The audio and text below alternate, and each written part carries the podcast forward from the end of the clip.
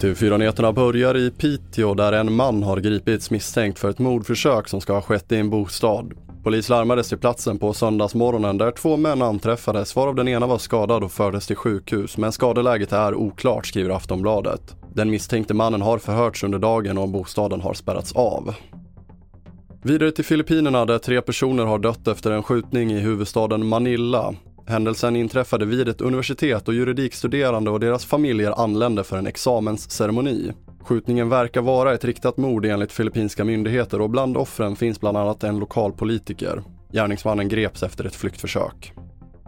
Och vi avslutar med att ungdomar legitimeras när de ska köpa ägg i en livsmedelsbutik i västra Stockholm. Detta efter att det kastats ägg mot Nockebybanan.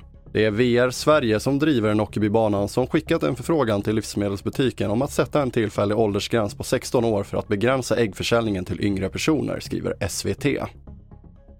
Fler nyheter hittar du på tv4.se. Jag heter André Metenen Persson.